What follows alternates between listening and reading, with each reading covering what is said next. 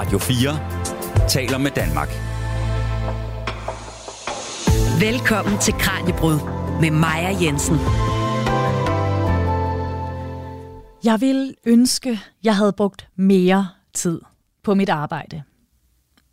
Det er ikke en sætning, man hører særligt ofte. Faktisk er det tit det modsatte, folk siger. Jeg vil ønske, jeg havde brugt mere tid med min familie, med mine venner, på at rejse, på mine interesser.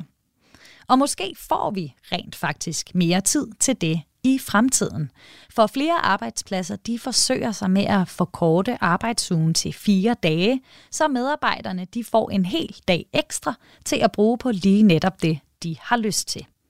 Det lyder umiddelbart som noget, de fleste mennesker drømmer om, altså at få mere fritid og mindre arbejdstid, men til samme løn. Men er der nogle skjulte ulemper, og hvad kræver det af medarbejder, leder og arbejdsplads at omstrukturere og måske reducere arbejdstiden? Det kan du blive klogere på de næste 50 minutter. Mit navn er Maja Jensen. Velkommen til Kranjebrud. Du lytter til Radio 4. Og så vil jeg gerne byde velkommen til dig, Janne Gleup. Tak. Janne er arbejdslivsforsker ved Institut for Mennesker og Teknologi på Roskilde Universitet, og hun har forsket i arbejdstid, blandt andet den fire dages arbejdsuge, som det skal handle om i dagens program. Og Janne, så skal vi måske lige starte med at få afklaret, hvad en fire dages arbejdsuge er. Fordi i løbet af programmet i dag, der kommer vi til at tale om flere forskellige måder at strukturere sådan en fire dages arbejdsuge på. Men hvad er det egentlig? Ja, det er et godt sted at starte, fordi det kan nemlig være meget forskelligt. Altså vi forskere, vi plejer at skelne imellem, om man taler en reduceret arbejdsuge, hvor man altså arbejder måske færre dage eller færre timer, en komprimeret arbejdsuge, hvor man arbejder det samme antal timer, men måske sammenpresset på fire dage i stedet for fem dage. Og så en fleksibiliseret arbejdsuge, som er sådan, at man kan i virkeligheden arbejde meget mere frit, når det passer en, og ikke er indrammet af særlige øh, regler og begrænsninger i forhold til, hvornår man møder frem og går hjem. Og nogle gange vil der så også være tilfælde, hvor det er hele blandet sammen i nogle nye modeller, og så bliver det først indviklet. Men altså, det er nogle grundmodeller, man ligesom kan skelne imellem, og de, de giver nogle lidt forskellige vilkår og muligheder og udfordringer, de her modeller. Ikke? Ja, men altså, folk mener noget lidt forskelligt, når det handler om arbejdsuge på fire dage, og det er også noget af det, vi vender tilbage til lidt senere. Men Janne, hvor længe har man talt om sådan en fire-dages arbejdsuge? Altså, jeg tænker på det som et forholdsvis nyt fænomen, men, men jeg er jo heller ikke arbejdslivsforsker. Ja, men det er rigtigt nok, at, at diskussionerne om en mulig fire-dages arbejdsuge er relativt nyere dato. Internationalt har der været bevægelser, øh, forsøg og eksperimenter i noget længere tid, end vi ligesom har set på den danske bane. Øh, men det er inden for de, de senere år, at der virkelig er kommet stor interesse, og at man også begynder at gøre sig nogle konkrete forsøg med forskellige modeller, både internationalt og herhjemme. Hvad, hvad tænkte du om det her fænomen, da du hørte om det første gang? Tænkte du også, det bliver bare mega populært om, om nogle år? Jeg tænkte, at det lyder næsten for godt til at være sandt, og de fleste de vil øh, tænke, nej hvor lækkert, men det bliver ikke i min levetid. Øh, og derfor så tænkte jeg også, da jeg begyndte at studere, da der kom nogle konkrete eksempler herhjemme, som, som jeg og mine kolleger fik mulighed for øh, at, at følge rigtig tæt, så tænkte jeg, at det var spændende, men måske også lidt en enlig svale, fordi at det var, på det tidspunkt var det så specielt et initiativ, som, som afveg så meget fra den kendte måde at organisere arbejdstid på, og som vi har gjort siden 90'erne frem til nu. Så jeg tænkte, at øh, det er virkelig spændende eksperiment at studere, men der kommer sikkert ikke øh, så meget mere ud af det end de her eksempler. Og, øh, og i bagspejlets øh, kloge, hvad hedder det, i, i, øh, i det kloge bagspejl, kan man sige, at øh, der havde jeg nok forregnet mig lidt med den vurdering, fordi det har jo vist sig at, at være noget, som der er massiv interesse for, og der breder sig eksempler på mange af de her forsøg rundt omkring, både offentligt og privat nu. Ja, hvorfor tror du, at det lige pludselig blev så interessant for så mange mennesker? Jeg, jeg tror, der er mange grunde, øh, som flyder sammen. Altså på sådan overordnet basis, så tror jeg, at at mange oplever, at arbejdslivet er meget presset, øh, intensiveret, og man oplever, at man hele tiden har en lille smule dårlig samvittighed over for nogle af de ting, man også gerne vil bruge sit liv på. At man måske forsømmer sin familie og relationer og, og forsømmer at forfølge nogle drømme, som du nævnte i indledningen. Men man kan ikke rigtig se, hvordan man kan løse de problemer, som man løber bare videre i hamsterhjulet. Når der så kommer nogen og, og åbner et vindue og siger, se, vi gør det på en anden måde, så vækker det en kæmpe nysgerrighed i forhold til, kan vi, hvis vi fleksibiliserer arbejdstiden eller reducerer den, øh, måske få skudt genveje til lidt mere luft, lidt mere bæredygtighed i hverdagen, så er det noget, man er interesseret i. Så det er sådan en af de der overordnede grunde, at, at mange oplever, at arbejdsmiljøet er presset. Men så kan man også sige internationalt igen, så har vi over de senere år haft mange drøftelser af, hvad skal vi gøre med, at vi har den her kæmpe klimakrise, hvor vi ligesom er nødt til at kigge ind i en fremtid, hvor vi producerer mindre, forbruger mindre, øh, og i det hele taget sådan omlægger mere grundlæggende den måde, vi laver samfund på, og den måde, vi får skabt billeder af, hvad det gode liv er, som er mere øh, omsorgsfuld over for kloden. Og det betyder, at flere mennesker er interesseret i, kan man skrue ned for tempoet? Kan vi stoppe noget acceleration, som kan møde nogle af de her klimaudfordringer mere bæredygtigt? Så det er der også nogle store bevægelser øh, rundt omkring i verden, som, som presser på for. Og så er der selvfølgelig også corona-erfaringerne, som på godt og ondt viste mange, ikke alle, fordi det er vigtigt at understrege, at der var rigtig mange under coronaen, som ikke var hjemsendte og ikke sad øh, og havde god tid øh, med familien, men som var tvunget til at møde frem på arbejde. Men samfundet fik alligevel en kollektiv læreproces i forhold til, at mange ting kan gøres på helt andre måder, hvis vi er nødt til det. Og mange af dem, der oplevede at være hjemsendte, havde måske nok et kæmpe pres, fordi man havde børn, der skulle også hjemmeskole og alt muligt. Men man oplevede også, at det kan gøres på nogle andre måder, og der blev åbnet nogle lommer til noget tid og nogle relationer, som man længtes efter at forfølge, og hvor mange tænkte, da vi ligesom vendte tilbage til samfundet, det genåbnede, jeg vil bruge de her erfaringer til at prøve at få omlagt min liv i en mere bæredygtig retning. Og det kunne være at arbejde mindre, det kunne være at arbejde mere fleksibelt, det kunne være at få lov at få nogle hjemmearbejdsdage, fordi man har fundet ud af, at man har god ro derhjemme, når de andre ikke er der, osv. Og alt det der sat gang i en masse overvejelser, både blandt medarbejdere og ledere om, hvad kan vi bruge erfaringerne til fra corona? Kan vi ryste posen og tænke nogle klogere løsninger frem? hvor at mødestedet mellem, hvad arbejdsgiver har behov for, og hvad lønmodtager har behov for, øh, kan findes et nyt sted. Ja. Så der er altså flere forskellige faktorer, der har gjort, at det lige pludselig er blevet noget, der er interessant for, for ret mange mennesker, og, og så også for, for forskningen. Og senere, øh, der skal vi tale om, hvad forskningen kan fortælle om det at arbejde øh, færre timer, eller mere fleksibelt, eller en komprimeret arbejdsuge. Men jeg kunne også godt tænke mig at høre, altså hvad siger forskningen egentlig om det her med at arbejde for meget. Altså det er vel nærmere det, der har været fokus på i forskningen indtil videre, forestiller jeg mig. Altså sammenhængen mellem arbejdstid og produktivitet, arbejdsulykker eller arbejdsmiljø. Ja, altså, og det kommer igen her lidt an på, hvad det er for brancher, vi taler om, fordi de typer af udfordringer, man har på en byggeplads, er måske nogle andre, end man har på en kontorarbejdsplads. Øh, men der er jo nogle generelle opmærksomheder, blandt andet det omkring det psykiske arbejdsmiljø, hvor vi har set en negativ udvikling over øh, mange, mange årtier nu, og stadig flere mennesker oplever at blive syge af at være for presset i deres arbejde. Så der er selvfølgelig en bekymring, som der knytter sig til, hvis man komprimerer arbejdet, øh, øger man så stressen, øh, som i forvejen er alt, alt for høj og, og meget dyr for samfundet øh, at betale for, øh, fordi det er dyrt, når folk er, er syge over lang tid, og det er selvfølgelig også menneskeligt meget omkostningsfuldt at være igennem lange sygdomsperioder. Øh, så der er nogle problemstillinger der omkring øget arbejdspres. Så kan man også se i forskningen, at hvis man på især inden for fysisk arbejde har nogle meget lange arbejdsdage, øh, som er meget udtrættende, øh, så risikerer man, at øh, andelen af ulykker stiger fordi man simpelthen kommer til at begå flere fejl. Det kan også godt være i administrativt arbejde, at man kan komme til at være så træt i hovedet, at man træffer en forkert beslutning i en afgørelse, man skal skrive. Så den der kognitive udtrætning, hvis ikke der er gode pauser, hvis ikke der er en god ledelse af de lange dage, øh, kan også skabe noget risiko i arbejdsmiljøet.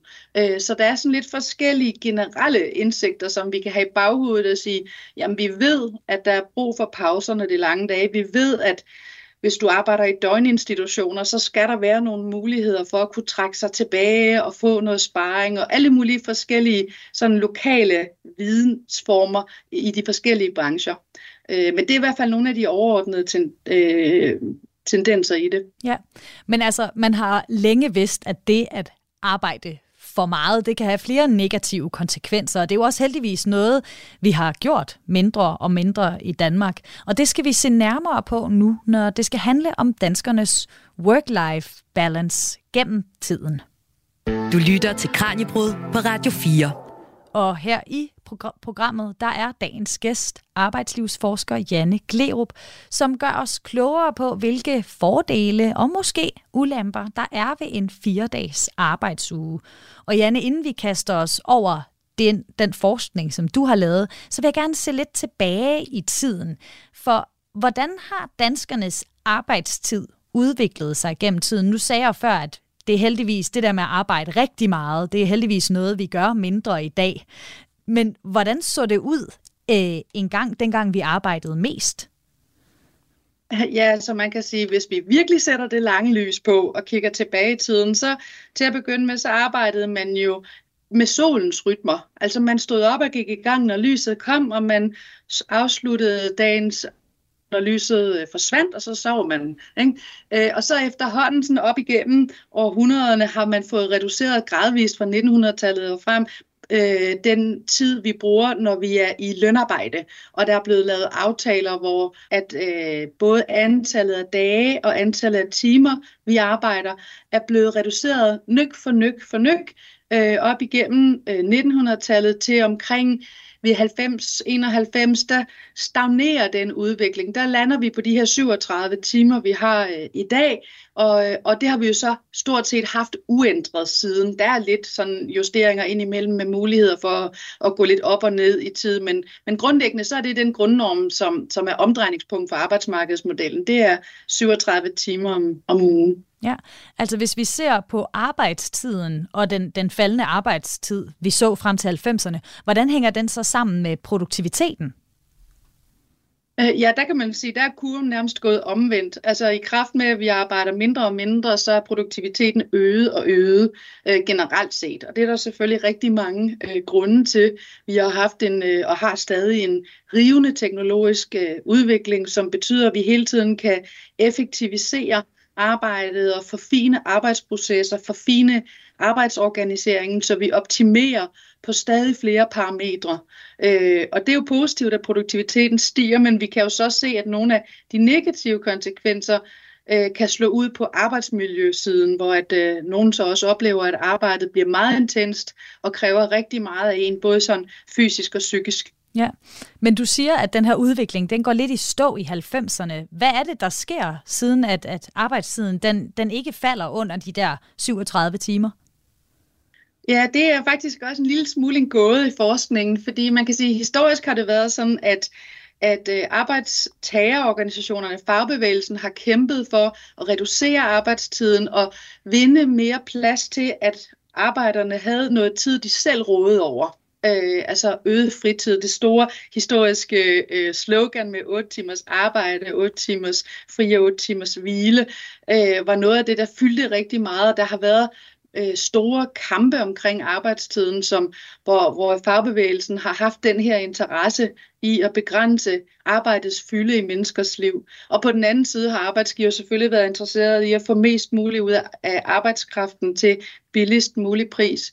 Og det der måske så vi kan se, der sker fra 90'erne og frem, det er, at der bliver en større interesse for at fleksibilisere arbejdstiden, øh, snarere end om den skal gå op eller ned. Øh, I hvert fald så Mm, så er der ikke så stort et pres fra fagbevægelsen mere og fra deres baglande i forhold til at sætte tid ned. Og det kan være, fordi man på en måde har fundet et knækpunkt på det tidspunkt, hvor man synes, at balancen mellem at gå ned i tid og samtidig på den anden side have en interesse i også at få lønnen til at gå op øh, og blive højere, at man så ligesom er landet øh, på det der kompromis øh, niveau. I hvert fald er det nogle af de hypoteser, der er om, øh, hvorfor at øh, det, vi så fra 90'erne og frem ser, at vi bliver mere optaget af, både arbejdsgiver og lønmodtagere, hvordan det fleksible kan komme mere i spil. Ja, altså hvordan vil du så beskrive danskernes work-life balance i dag, hvis vi bare lige skærer danskerne over en, en bred kamp her? Og det er meget svært at, at sige noget, for der er så store forskelle, så det næsten udjævner sig, hvis man skal generalisere. Øh, men det er klart, at der er jo en del brancher, hvor, at, øh, hvor der er store medarbejdergrupper, der oplever, at det er svært at få familie-arbejdslivsbalancen til at gå op. Og det er jo også noget af det, der er medforklarende i forhold til eksempelvis de rekrutteringskriser, vi ser i det offentlige og i sundhedssektoren, hvor der er mange øh, faggrupper, som oplever, at det er for presset, øh, at også hvis man har natarbejde og weekendarbejde og skal arbejde på nogle atypiske tidspunkter i forhold til familiens øvrige rytmer og behov, at så er presset bare rigtig, rigtig stort, og så risikerer man, at der er personalegrupper, der søger væk eller går på deltid, og hvor man i virkeligheden ville ønske, at de var på fuld tid, så man havde arbejdskraften til rådighed. Så der er jo nogle brancher, hvor man oplever, at familie-arbejdslivsbalancen er meget presset. Men man kan også samtidig se, at vi bliver også som befolkning mere og mere optaget af at få alt, hvad vi overhovedet kan, ud af vores fritidsliv. Altså, vi stiller også store forventninger til os selv i forhold til, at vi skal lykkes med at opnå alt muligt. Vi skal gå til alt muligt, vi skal rejse, vi skal opleve, vi skal realisere os selv. Øh, så, så man kan sige, at vi presser jo også os selv i vores fritidsliv øh, i nogle henseender, fordi vi gerne vil have øh, meget ud af den tid, vi selv bestemmer over. Ikke? Så, så regnestykket i forhold til at få forklaret, hvor presset på familie- og arbejdslivsbalancen kommer fra, det er nok sammensat. Ja, men det lyder som om, at arbejdet fylder mindre i vores liv. Altså nu snakker du også om selvrealisering og det her med, at vi skal præstere i vores interesser også, og selvfølgelig på familiefronten og alle mulige andre, men at det her med at arbejdet er, er en mindre del, udgør en mindre del måske af vores liv og vores identitet i dag end tidligere? Øh, igen vil jeg sige, at jeg tror, at billedet er meget sammensat, fordi øh, grundlæggende så betyder arbejdet helt vildt meget for os.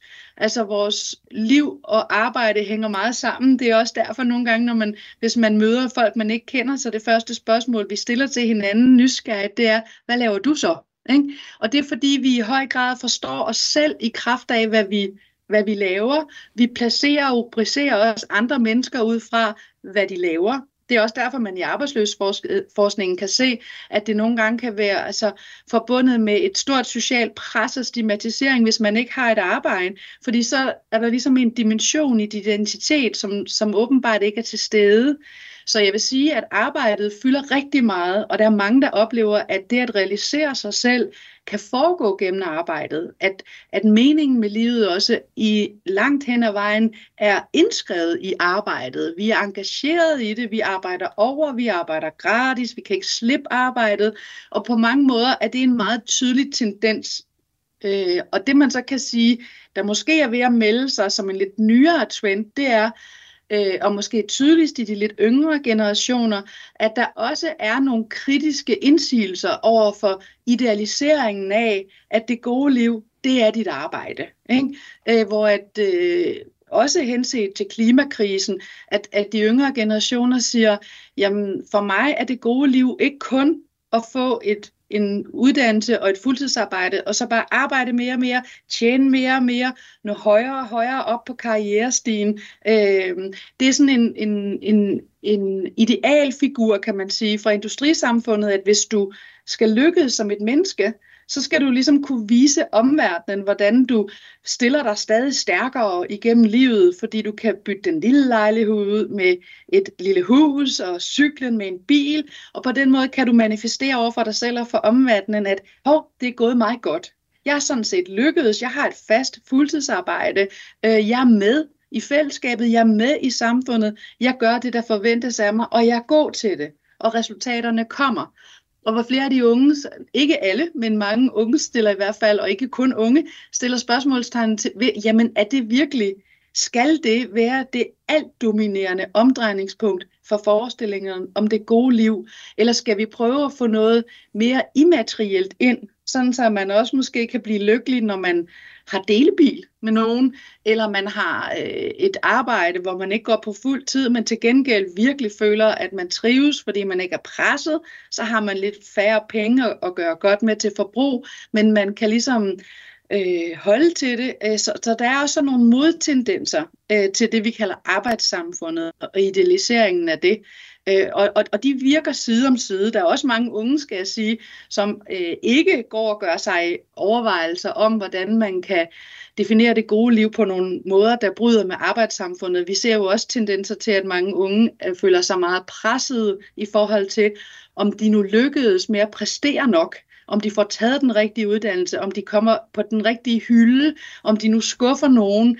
Øh, vi ser eksamenpres, altså jeg selv øh, underviser på universitetet, og vi kan jo mærke, at presset blandt de studerende er ekstremt højt.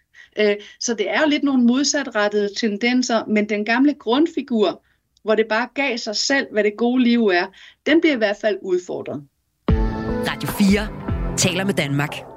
Vi er i gang med Kranjebrud, der i dag undersøger, hvad der sker, hvis vi kun arbejder fire dage om ugen. Mit navn er Maja Jensen, og min gæst i dag det er arbejdslivsforsker Janne Glerup fra Roskilde Universitet. Og Janne, der er jo ikke lavet så forfærdeligt meget forskning i det her endnu, for det er stadig et forholdsvis nyt fænomen. Men du har lavet et øh, forskningsprojekt, hvor du blev koblet op på et forsøg i Odsherreds Kommune. Vil du ikke starte med at forklare, hvad, hvad var forsøget i Odsherred?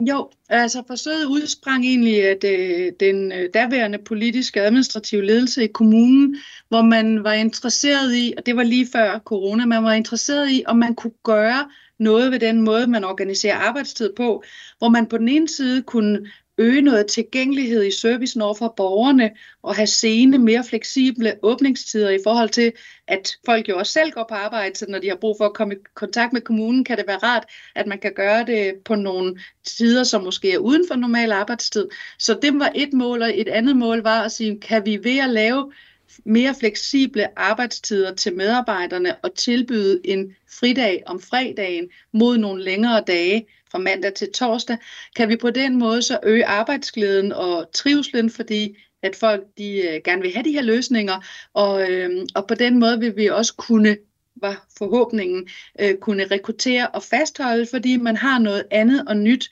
øh, at tilbyde. Øh, og så var rammen så også, at, at, at man skulle finde nogle løsninger, som var omkostningsneutrale. Altså det måtte ikke øh, føre til fordyrelser af den kommunale service, og det skulle være inden for de rammer, øh, som var allerede, at man ligesom skulle kunne holde den produktivitet, men få tænkt lidt mere ud af boksen i forhold til tilrettelæggelse. Ja, og var det noget særligt, at du gerne ville øh, undersøge, når du var koblet op på det her projekt? Jamen, jeg synes jo, det var utroligt spændende at, at blive inviteret ind øh, i sådan et samarbejde og få lov til at følge dem så tæt øh, og kigge med på de indre processer for at finde ud af, jamen, øh, kan det her virkelig være en model, som rent faktisk øh, giver nogle positive resultater i et win-win-perspektiv? Forstået sådan, at både medarbejdere, borgere og arbejdsplads ligesom får dækket behovene, men på nogle måder, hvor alle synes, der er kommet nogle forbedringer, og som måske, det var også en del af sådan, den visionære tænkning bag, kunne have en positiv virkning i sådan et bredere samfundsperspektiv. Fordi hvis folk de får tre sammenhængende dage til at restituere, kan det så give et løft, øh, et frirum, et pusterum øh, for arbejdet, som gør, at man faktisk oplever, at man kan forfølge noget, man er optaget af, som ikke er Øh, arbejde, og at det på den måde kan give noget mere livskvalitet i sådan et større livsperspektiv, og som igen kan virke positivt over for hele arbejdsmarkedet, at det kan være attraktivt at være i den offentlige sektor, at man kan undgå nedslidning af personaler, fordi man får en bedre trivsel. Så der var også sådan nogle forestillinger om at, at prøve forsøget af for at se, kan vi nå nogle positive veje hen på de spørgsmål. Ja, og det er jo sådan, der kan man godt høre, det er nogle de store forkromede øh, visioner. Mm. Men hvad, hvad var medarbejdernes tanker, inden forsøget gik i gang? Var, var folk spændte og glædede sig, eller var man nervøs for den her omlægning? Ej, jeg vil sige, der var to hovedspor. Det var nysgerrighed og skepsis. Øh, fordi øh, mange var sådan set indstillet på at, at prøve noget nyt af, øh, men de var også lidt utrygge ved, om man fik fire meget lange, hårde dage, fordi den model, man har valgt i Årsager, det er det, vi kalder en komprimeret arbejdsuge, hvor du sådan set har 37 timer i den her forsøgsperiode, som man så øh, presser sammen på fire dage.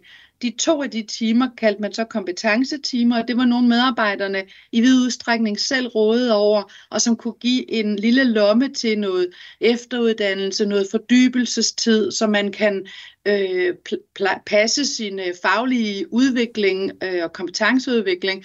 Øh, så derfor var det 35 timer i løbet af ugen, man skulle lægge på de fire dage, og så måtte man selv placere øh, de sidste to. Så var der nogle fredage, hvor man brugte de her kompetencetimer til noget kollektiv øh, personaludvikling og sådan noget. Men det var ligesom den grundmodel, øh, og det var jo på den ene side utrolig attraktivt og tillokkende med tre sammenhængende fridage. Det kan man hurtigt overbevise folk om kan være positivt. Det behøver man ikke have testet inden. Øh, men udsigten til fire lange dage var altså noget, der skabte meget usikkerhed, fordi, især fordi familie-arbejdslivsbalancen nemt bliver påvirket af små ændringer i arbejdstiden.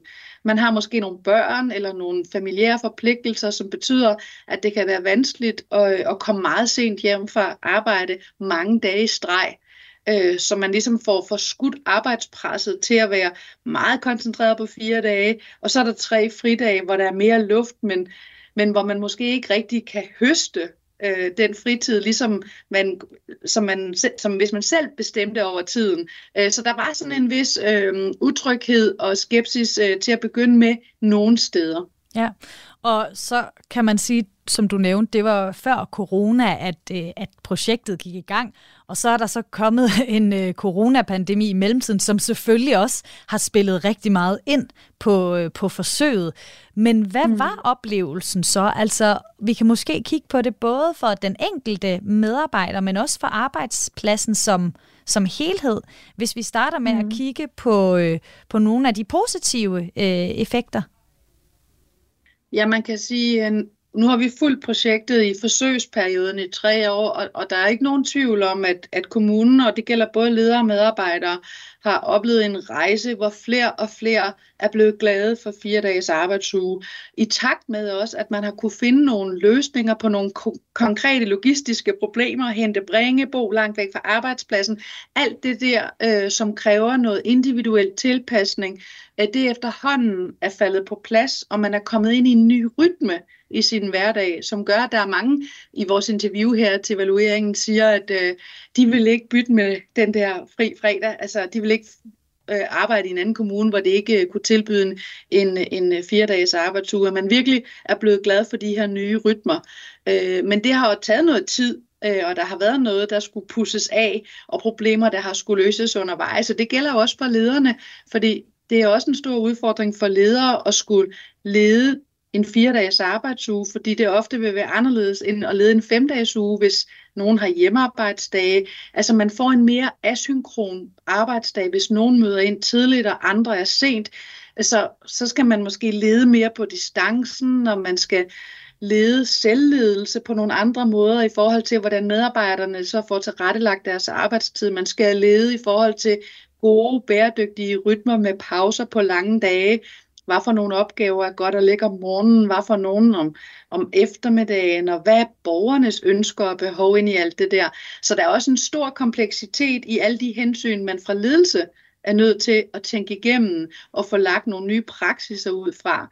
Øh, så det har været en, en læreproces for øh, alle i organisationen og i dens omverden, fordi kommunens borgere, virksomheder og samarbejdspartnere har også lige skulle vende sig til, at man kan godt nok få fat i personale og ledere i længere tid på fire dage, men om fredagen kan man ikke for dem, der var omfattet af forsøget. Så det er jo, på den måde kan det godt være lidt en udfordring nogle gange at have en fire dages arbejdsuge i et femdages samfund, hvor alle andre ligesom er rettet ind på fem dages rytmer.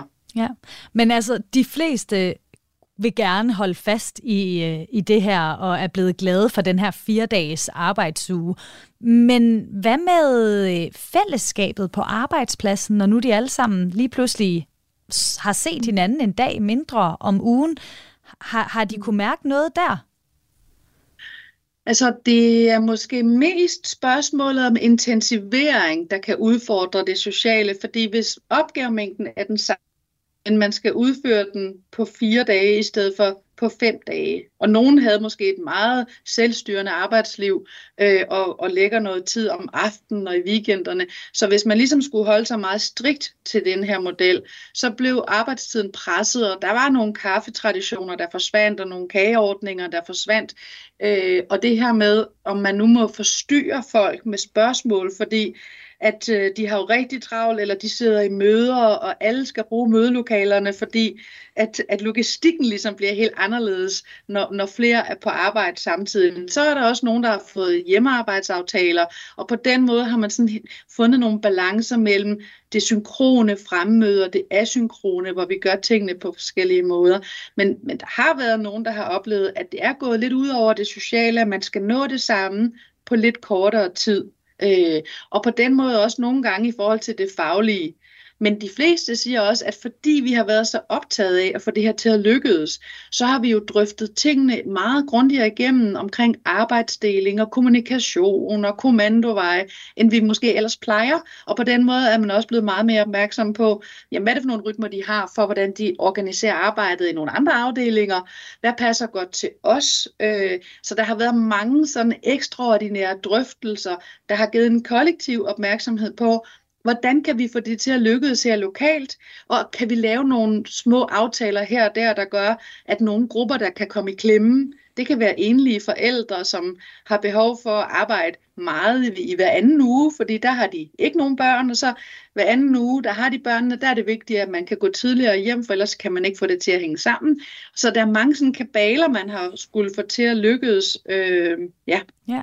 Hvad, med, hvad med trivslen? Øh, altså hvis vi ser bort fra, fra fællesskabet, de enkelte trivsel, beretter de mm. om, om, at de, de har det bedre på arbejde, når de arbejder om længere dage, men så færre dage? Mm.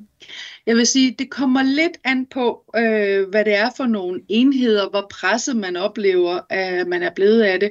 Hvis der er mange bindinger i arbejdet, hvis du for eksempel har mange møder med borgere, så har du måske ikke så gode muligheder for at kunne veksle og variere din arbejdstilrettelæggelse, som hvis du sidder for eksempel og skal skrive analyser, øh, hvor du kan tage det med i sommerhuset i weekenden.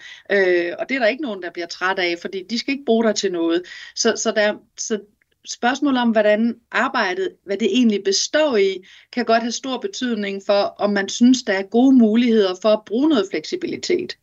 Og så kan man også sige, at en anden faktor er, hvad er det for en ledelsesstil, man øh, har i sine lokale enheder. Nogle steder har man meget sådan tillidsbaseret ledelse og siger, ved I hvad, I finder ud af det. Øh, bare kom til mig, hvis der er problemer, og ellers så blander man egentlig ikke i, hvornår I arbejder. Øh, og der er andre, som har øh, behov for øh, og en ledelsesstil, som er meget mere øh, tæt styrende i forhold til aftaler om, hvornår man må gå tidligt hjem, og hvornår alle skal være der. Øh, og der kan være gode grunde til, at ledelsesstilen er forskellig, men der er en tydelig øh, tendens og et mønster i det her, der siger, jo højere indflydelse du har på tilrettelæggelse af egen tid, og jo mere tillidsbaseret ledelse du oplever, øh, og frihedsgrader der, øh, jo, jo gladere er du for fire dages arbejdsuge, fordi jo nemmere har, får du mulighed for at få hele balancen og hele kabalen til at gå op. Og øh, forsøget her i Odsherred, det var jo netop den her komprimering af arbejdsugen, hvor medarbejderne de stadig arbejder fuldtid, men blot på fire dage i stedet for fem. Og reporter Kasper Fris har talt med Karen Albertsen om, hvordan det kan påvirke trivslen og det psykiske arbejdsmiljø, når en arbejdsuge den komprimeres. Hun er psykolog, arbejdsmiljøforsker og medejer af konsulentvirksomheden Team Arbejdsliv. Og hun mener, at det på nogle arbejdspladser vil være skidt for det psykiske arbejdsmiljø at skifte til en fire-dages uge, mens det på andre vil fungere rigtig godt og kan øge trivslen. Det handler om at kende arbejdspladsen, ledelsestilen, medarbejderne og arbejdsgangene.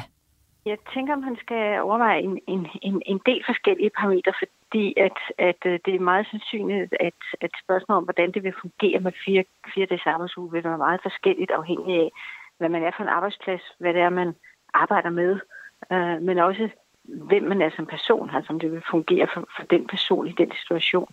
Så der vil være mange ting at være opmærksom på i, om det er en god idé. Man kan sige, der, der er både noget omkring, hvad er det for en opgave, man løser, altså hvad er det for en arbejdsopgave, er det vidensarbejde, er det arbejde med andre mennesker, eller er det en produktionsvirksomhed. Der er gode eksempler på, på nogle typer produktionsvirksomheder, blandt andet, hvor det har faktisk har kunnet øge produktiviteten og været til fordel også både for medarbejderne og virksomheden.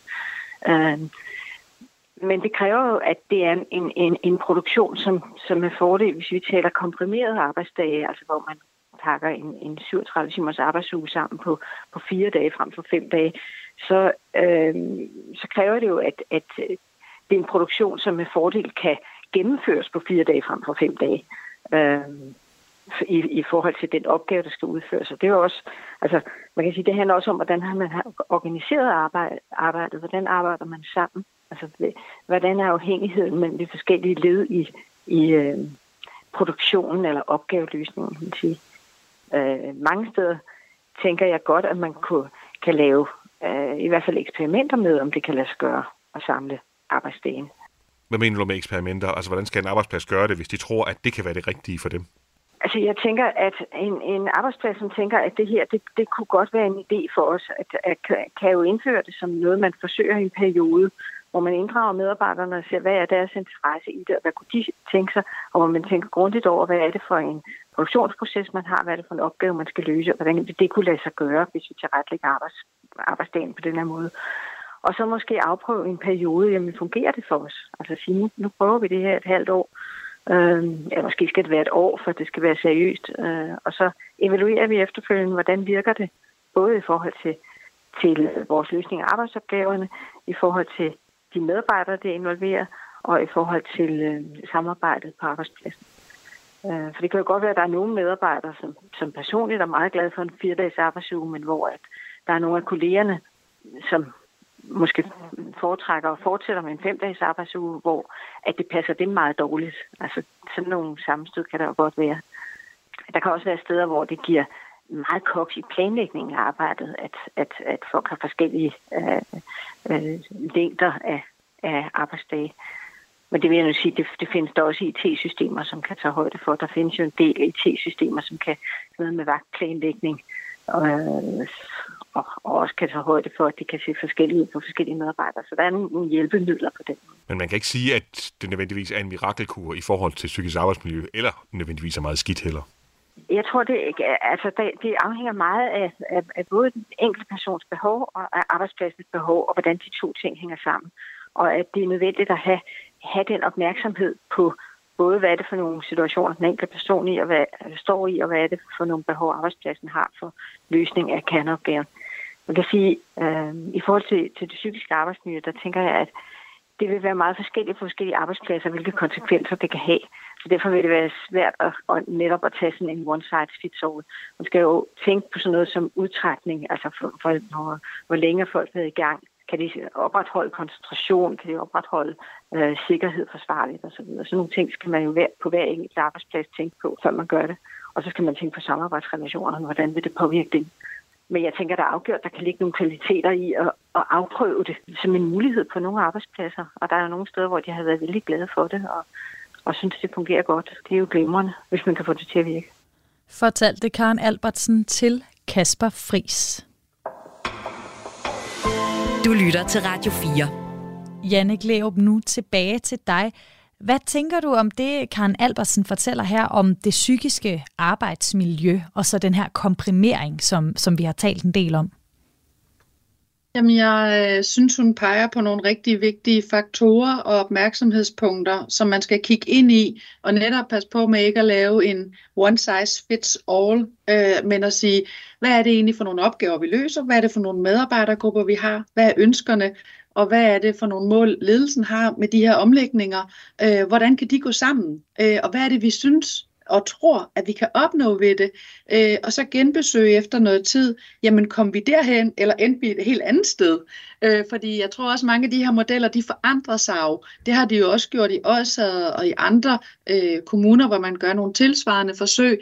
Man lærer lidt hen ad vejen, og så tilpasser man og retter til og udvikler.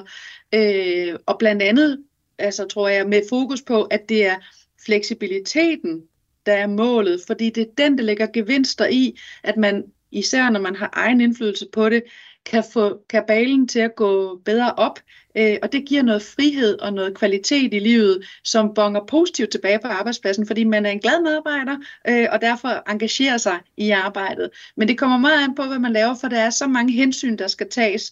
Så anbefalingen, hvis man for eksempel sidder derude og tænker, det kunne vi godt tænke os at starte op på min arbejdsplads, det er jo at få lagt et forløb til rette, hvor det ikke gælder om at komme hurtigt fra start, men det gælder om at komme godt fra start og få involveret alle medarbejdere og ledere grupper ind i en samtale om, hvorfor vil vi gerne prøve det? Hvad tror vi, vi kan opnå? Hvad skal der til? Er der nogen, der kan komme i klemme? Øh, hvordan sørger vi for at få tillidsvalgte tillidsrepræsentanter, arbejdsmiljørepræsentanter med øh, i processen? Så det her det er noget, der forankrer sig i organisationen som noget, vi køber ind på sammen i et fælles projekt. Det tror jeg er afgørende. Det er også nogle af de gode erfaringer, vi kan se der, hvor det er gået godt, det er jo, at, at man også fra ledelsen har sagt, vi rækker ud i samarbejdssystemet og finder nogle mødesteder her, fordi så får vi ligesom konsolideret, at det her det er noget, der kan holde på den lange bane. Ja. Men nu har vi øh, talt meget om en komprimering og en fleksibilisering af arbejdsugen. Men er der blevet lavet nogle forsøg med fire dages uger, hvor at det ikke er en komprimering, men en reducering af arbejdstiden? Ja, altså det er der også eksempler på. Øh, og det interessante er jo, altså det er ikke alle sammen, der er studeret endnu langt fra, øh, men det interessante er, at der er jo flere øh, virksomheder, som melder, at der sker et eller andet øh, Øh, trade-off i relationen mellem arbejdspladsen og, øh, og medarbejderne, som gør, at man, medarbejderne bliver så glade for at kunne have de tre sammenhængende fridage og få så meget ud af det, så at det motiverer til den effektivisering, øh, der så skal finde sted på de andre dage, sådan så produktiviteten ikke falder. Og det synes jeg er spændende, hvis det er rigtigt. Hvis det holder, også på den lange bane, fordi der er også den der effekt med, lige når man lægger noget om, så kaster alle en masse kræfter ind i det og brænder for det, og så kan det godt være, at effekten fiser ud over tid. Så vi ved jo ikke de langsigtede konsekvenser af det, og vi ved heller ikke, arbejdsmiljøkonsekvenserne. Fordi man kan jo godt være rigtig glad for at have tre fridage og sige, det stemmer jeg for, samtidig med at man i virkeligheden med åbne øjne eller lukkede øjne går ind sin egen nedslidning i møde. Altså, så der er nogle modsigelser i det her, hvor vi jo ikke ved på den lange bane, hvad kommer det her til at betyde, fordi vi har ikke studier, der viser, hvordan er det med arbejdsmiljøet, hvis du har øh, en komprimeret arbejdsuge, og vi har heller ikke studier, der viser, hvis du har en nedsat arbejdsuge, hvor du bliver lønnet for fem dage, men kun arbejder fire, er der så et magisk fix i det, som gør, at pengene passer, og alle er glade, og som 10 år, det ved vi ikke endnu. Men det er meget interessant at studere de erfaringer, der bliver gjort. Ja, og så må tiden vise, altså når der netop er gået 5-10 år, hvordan, øh, hvordan det så ser ud på det tidspunkt, hvordan trivselen er, det psykiske arbejdsmiljø, produktiviteten osv. Men Janne, når vi nu har talt om de her tre forskellige modeller, reduceringen af arbejdsugen, hvor at man arbejder for eksempel 30 timer, men man får et fuldtidsløn, en komprimering af arbejdsugen, 37 timer på fire dage, eller en fleksibilisering af arbejdsugen, hvor medarbejderne de får, får frihed til selv at, at tilrettelægge de her 37 timer.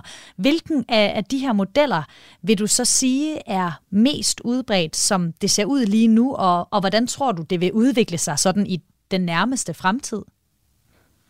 Jeg tror, at det som øh, der er meget interesse for fire dages arbejdsuge. Der er virkelig mange, der spørger til det og har lyst til at afprøve det. Øh, og der er også mange forsøg i gang, men jeg tror, at tendensen, det der vil brede sig mest og hurtigst, øh, det er forskellige former for mere fleksibilitet øh, hvor man bruger nye øh, teknologiske værktøjer for dem, der kan bruge dem i forhold til at have teamsmøder, arbejde hjemme, IT-systemer, som Karen også nævner, bruger dem på nogle kloge måder til at skabe noget fleksibilitet. Det er det, det er det nemmeste første skridt at tage, kan man sige.